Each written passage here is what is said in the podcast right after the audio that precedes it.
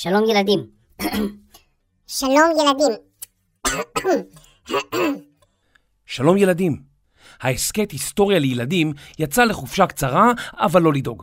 במשך הפגרה נביא בפניכם סדרה אחרת בשם פרונטירס מדע לצעירים. בסדרה הזאת תשמעו על רובוט עטלף, מתי נוכל ללטף ממוטה, מדוע קרחונים נמסים, איך נלחמים בחיידקים, ועל המוח המדהים שיש לכל אחד ואחת מכם. ההסכת נוצר בשיתוף פרונטירס ומוזיאון המדע על שם בלומפילד בירושלים. בכל שבוע נשדר שני פרקים עד שהעונה הרביעית של היסטוריה לילדים תשוב לאוויר. האזנה מהנה. מה זה? מי זה אמר את זה? מי זה אמר את זה?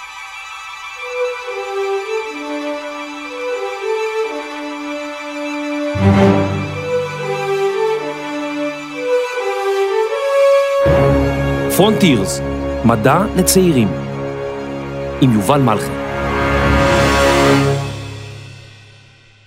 תאי גזע. דמיינו לעצמכם שאתם צועדים ברחוב, בכפר ציורי, בטיילת של חופי תל אביב, או אפילו בניו יורק. שלפתע, ממש מולכם, מגיח אדם שנראה בדיוק כמוכם. שנייה לאחר מכן, מופיע לצידו אדם נוסף שנראה בדיוק כמוכם, ואז עוד אחד. זה ממש כמו להסתכל במראה. הם כולם נראים שתי טיפות מים כמוכם. נשמע לכם כמו דמיון מופרך?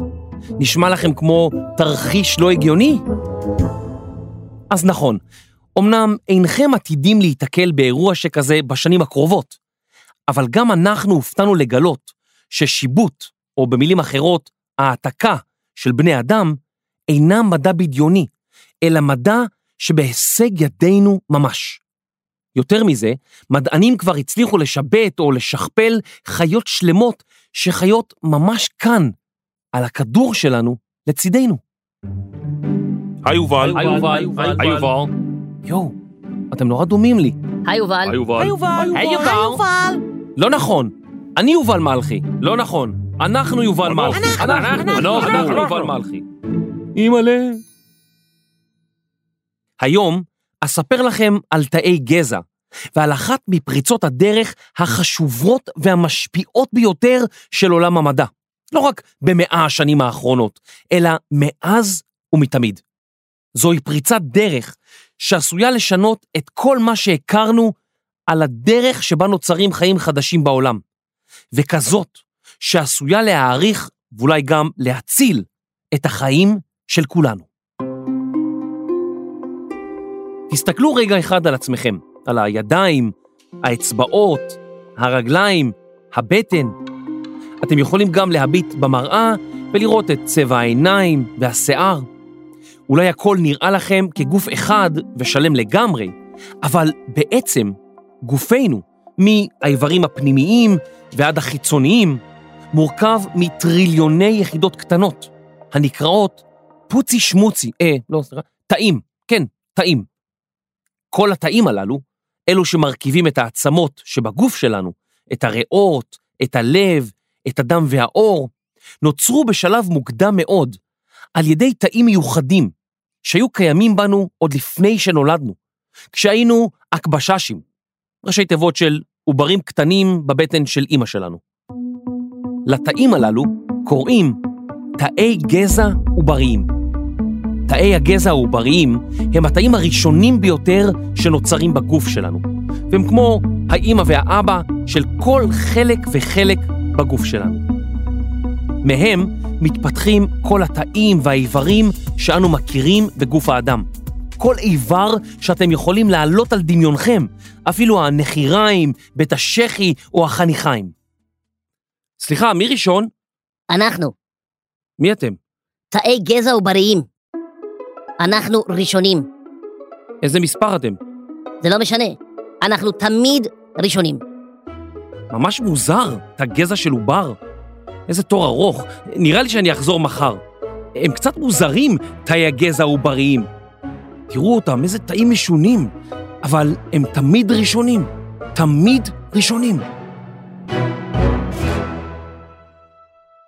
לאחר שתאי הגזע הללו נוצרים, הם מתרבים, ויוצרים לא פחות מ-200 סוגי תאים שונים, המייצרים את כל איברי גופנו ומרכיבים אותם. אולם, על אף שתאי הגזע העובריים כבר אינם קיימים בגופנו ברגע שהגחנו לאוויר העולם, כיוון שהם כבר התמיינו להיות תאים מסוג אחר, נשארים בגופנו תאי גזע מיוחדים, שמסוגלים לשכפל את עצמם במהירות ולהתפתח לתאים שונים. אמנם לא לכל 200 הסוגים, כמו מתאי הגזע העובריים, אך ללא מעט. שלום, אני תא גזע. אני בחור רציני, אני יוצר איברים, אני הכי חשוב. אני נחמד. אני לא חומרי, אבל כמה חבל שאני לא תא גזע עוברי. גם במעיים שלנו, חלק ממערכת העיכול, יש תאי גזע שמתחדשים מדי כמה ימים, ומהם נוצרים תאים חדשים, הנקראים תאי בת או תאי צאצא, שמרכיבים שכבות חדשות במעי. רגע, רגע, רגע, רגע. למה המעיים צריכים תאי גזע משלהם? מדוע הם מיוחדים כל כך? מדוע הם מתחדשים כל הזמן ויוצרים שכבות נוספות? במעיים שלנו שוכנים חיידקים רבים יותר מאשר בכל מקום אחר בגוף. ואם החיידקים לא יתחדשו לעיתים תכופות, המזון שיעבור ויצטבר שם עלול לגרום לנו לבעיות חמורות במערכת העיכול ולפגיעה בבריאותנו הגופנית. הנה דוגמה נוספת לתאי גזע שמתחדשים כל הזמן. האם שמתם לב שהאור שלנו מתחדש ללא הפסקה? ואם אינכם בטוחים ששמתם לב, נסו להיזכר מתי נפלתם וקיבלתם פצע שבתוך שבוע נעלם כלא היה. כאן בלוקי הקוסם, ברוכים הבאים למופע שלי. ואתה אני אבחר ילד מהקהל? בוא, אתה, כן, פה לפה. מה שמך? אני פצע. שם קצת מוזר. ואתה הוקוס פוקוס, בילי בוקוס, תיעלם! פצע נעלם! תודה רבה, תודה רבה. אז למה בעצם אנחנו מספרים לכם את כל זה? העובדה שתאי הגזע, ובעיקר תאי הגזע העובריים, מסוגלים להתפתח לכל תא ומרכיב שקיים בגוף שלנו, מהווה פריצת דרך חסרת תקדים, שכבר היום משמשת ללא הפסקה את עולם הרפואה. היכולת של תאי גזע להתחדש, או ליתר דיוק, להתחלק ולשכפל את עצמם לתאים נוספים, מהווה תפקיד חשוב בשיקום ובהחלמה של איברים פגועים בגוף. כן, ממש כמו תרופה שמיוצרת בבני אדם. כיום משתמשים בתאי גזע בטיפול עבור חולי לוקמיה. אותם חולים עוברים טיפולים כימותרפיים, אשר פוגעים בתאים סרטניים, אך עלולים גם לפגוע בתאי הגזע שבמח העצם. הדבר מביא לפגיעה במערכת החיסונית שלהם. לכן, לפני תחילת הטיפול הכימותרפי, הרופאים מנתחים את המטופל ומוציאים מתוך עצמותיו את תאי הגזע הללו, במטרה לשמור אותם בהקפאה ולהחזיר אותם לגופו בסוף הטיפול. בעזרת תאי הגזע הללו ניתן לייצר תאי דם ולבנות מערכת חיסונית מתפקדת, כך שהמטופל יוכל לחזור לשגרה בסוף כל הליך הכימותרפיה. בנוסף לתאי הגזע שבמח העצם, קיימים תאי גזע נוספים שהרפואה רואה בהם בעלי יכולות ריפוי, שנראו עד לא מזמן כנס רפואי. רבים מהם נמצאים בהליכי פיתוח ובטיפולים ניסיוניים, וטרם אושרו לשימוש נרחב. רופאים ומדענים מכל העולם כבר הבינו את חשיבות תאי הגזע הללו, והם עורכים ניסויים במטרה להכשיר את השימוש בהם לשלל צרכים רפואיים. בין היתר, איחוי שברים וסדקים בעצמות שאינם מתאחים בעצמם. בטיפול שכזה, מוציאים תאי גזע מהגוף ומגדלים אותם במעבדה, כך שתוך כמה שבועות יש כמות מספיק גדולה לשימוש רפואי. בשלב הבא, מחזירים את תאי הגזע לגוף בהתאם למחלה. לדוגמה, ניתן להחדיר את התאים לשבר בעצם, ושם תיווצר רקמת עצם שתעזור לשבר להתאחות. מדענים מאמינים כי בקרוב נוכל להשתמש בתאי גזע כדי לפתור בעיות ואף לרפא מחלות שונות במהירות. תארו לכם שנשברה לכם השן. אין בעיה. בעזרת תאי גזע אפשר לייצר במעבדה, ואולי ישירות בפה, שן זהה לזו שנשברה. אם איבדתם עין, ייתכן ויהיה ניתן לייצר עין חדשה, או כל איבר בגוף, כדי להשתילו מחדש. תאי גזע גם יכולים להצעיר תאים מבוגרים, להאט את תהליך הזקנה ולהאריך את חיי האדם לגיל שכיום נראה דמיוני. שלום, אני דוד. אני עברתי טיפול בתאי גזע נגד הזקנה. זה עבד מצוין, אני בן 832, אבל זה כלום. סבתא שלי בת 900, וזה כלום. סבתא רבא שלה בדיוק היום סיימה את מרתון טבריה פריז. אתם חושבים שזה מדהים? סבתא שלה... הבנתם, נכון? הבעיה הגדולה זה עם ימי ההולדת. אתם יודעים כמה זמן לוקח לנו לכבות את כל הנרות? בתחילת הפרק דיברנו על תאי הגזע העובריים, האבות הקדמונים של כל התאים בגוף. לאור היכולת לגדל תאים מכל הסוגים הקיימים במעבדה, וכך לטפל בכל מחלה ובכל איבר ללא יוצא מן הכלל, עולם הרפואה מחשיב את תאי הגזע העובריים בתור הנכס החשוב ביותר לריפוי. אבל איך ניתן להשיג תאים עובריים? הרי אמרנו שהם קיימים רק אצל עוברים עד גיל שבוע, ואז הם מתחלקים לסוגי תאים שונים, לא? גם לזה המדענים החכמים שלנו מצאו פתרונות. בשנת 2006 גילה הפרופסור היפני שיניה ימנקה שיטה לקחת תאים מבני אדם בוגרים ולהחזיר אותם למצב של תאי גזע, כאלה שאפשר לפתח מהם את כל 200 סוגי התאים שבגוף, ממש כמו מתאי גזע עובריים טבעיים. על התגלית הזאת זכה פרופסור ימנקה בפרס נובל לרפואה בשנת 2012. רופאים מאמינים שבזכות התגליות המרעישות על תאי הגזע והיכולת ליצור כל איבר בגוף באמצעות תאי הגזע העובריים, יהיה ניתן בעתיד לייצר איברים שלמים במעבדות, וכך לחסוך את הצורך בתרומת איברים. מחפשים כליה חדשה? לבלב? אין בעיה. בואו, למרכז יצור איברים והשתלות, ותוך שעה תצאו עם איבר חדש.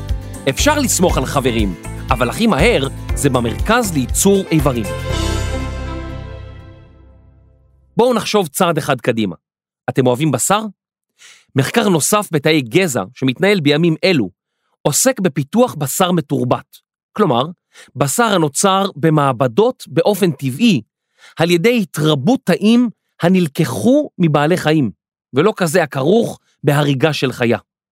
אולי בעוד כמה שנים, השניצל שיהיה מונח על הצלחת שלכם כבר לא יגיע מהלול, אלא מהמעבדה.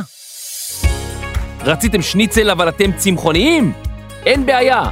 שניצל המעבדה אינו הורג חיות, ועכשיו במגוון טעמים. שניצל המעבדה זה שניצל אגדה. בואו לטעום, הטעם חלום. שניצל טעים שיצרו מדענים. שניצל עם תעודה של המעבדה. חדש, שניצל בטעם חסידה, שניצל בטעם גלידה, שניצל בטעם בטטה, ורק עכשיו ולזמן מוגבל, שניצל בטעם גויאבה. אם כל זה לא מספיק, אז בואו נשאל שאלה מטורפת. האם ניתן גם לייצר יצורים חיים במעבדה? לא תאמינו, אבל התשובה היא כן. הדרך לעשות זאת היא בעזרת שיבוט. שיבוט הוא מונח בביולוגיה המתאר העתקה של רצף DNA הזהה כמעט לגמרי למקור. המונח מגיע אלינו מהמילה שבט, משום שבעזרת התהליך ניתן לייצר שבט שלם של תאים זהים מבחינה גנטית.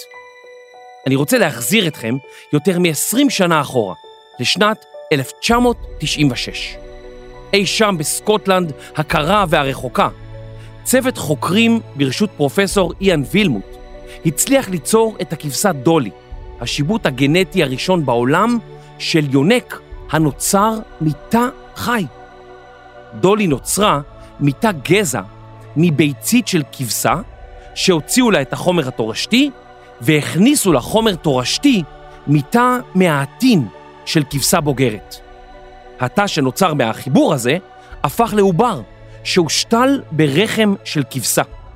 לאחר אין ספור ניסיונות כושלים, או ליתר דיוק, 277 ניסיונות, בחמישה ביולי 1996 נולדה לה דולי. האירוע גרם לרעידת אדמה מדעית של ממש ולאין ספור דיווחים ברחבי העולם. תבינו, אף אחד לא חשב שדבר כזה אפשרי, אפילו לא גדולי המדענים. מעבר לזה, בדיקות DNA שהתבצעו בכבשת דולי הוכיחו שהיא בעצם העתק מושלם של אימה הביולוגית, זאת שלקחו ממנה את תאי הגזע מתא העטין בתחילת הניסוי.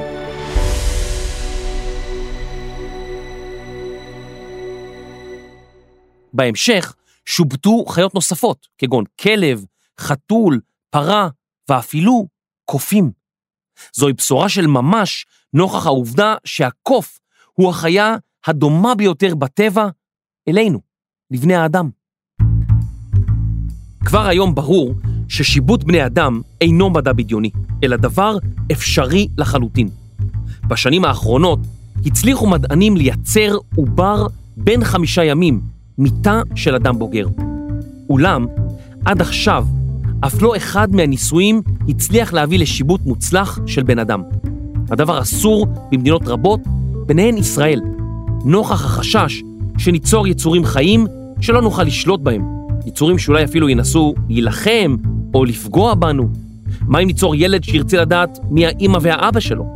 מה אם נאפשר ליצור רק בני אדם מוצלחים או גבוהים או בעלי צבע עור זית? ומה אם יהיו מדענים שייצרו תינוקות חכמים וחזקים במעבדות ואז ינסו למכור אותם לכל המרבה במחיר? באיזו מין חברה נחיה אם נתחיל לייצר אנשים במעבדות במקום דרך מערכות יחסים? כן, אנחנו יודעים, זה נשמע ממש כמו סצנה מסרט, אך החששות הללו אמיתיים. אבל על אף זאת, ממש עכשיו, בארצות הברית, בסין, ברוסיה ואפילו בישראל, מיטב המדענים והמדעניות ממשיכים לבצע שלל מחקרים וניסויים בתאי גזע, במטרה להביא לפריצות דרך מרעישות ברפואה, למצוא פתרונות למחלות קשות. ומי יודע, אולי ביום מן הימים אתם תיתקלו בבן אדם נחמד, שבכלל נוצר במעבדות.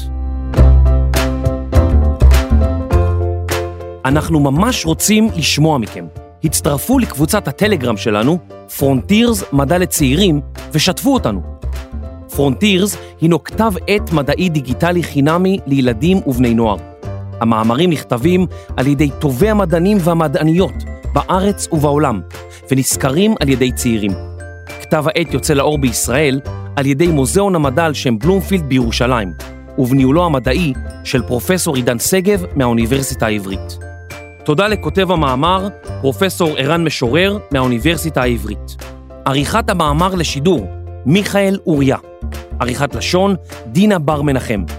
מיקס, אפקטים וניהול מוזיקלי, אסף רפפורט. מפיק ראשי, רני שחר. תודה לצוות מוזיאון המדע ופרונטירס, פרופסור עידן שגב, מאיה הלוי ודוקטור גליה זר כבוד. הפרק הוקלט באולפני סוף הסטודיו. אני יובל מלכי. נתראה בפרק הבא. ילדים והורים יקרים, אם אתם אוהבים את ההסכת היסטוריה לילדים, נשמח שתדרגו אותנו בכל אפליקציות הפודקאסטים. זה מאוד יעזור לנו. אם אתם רוצים לדבר איתנו, היכנסו לקבוצת הטלגרם היסטוריה לילדים, רשמו לנו מה חשבתם והציעו לנו רעיונות לפרקים חדשים. תודה רבה.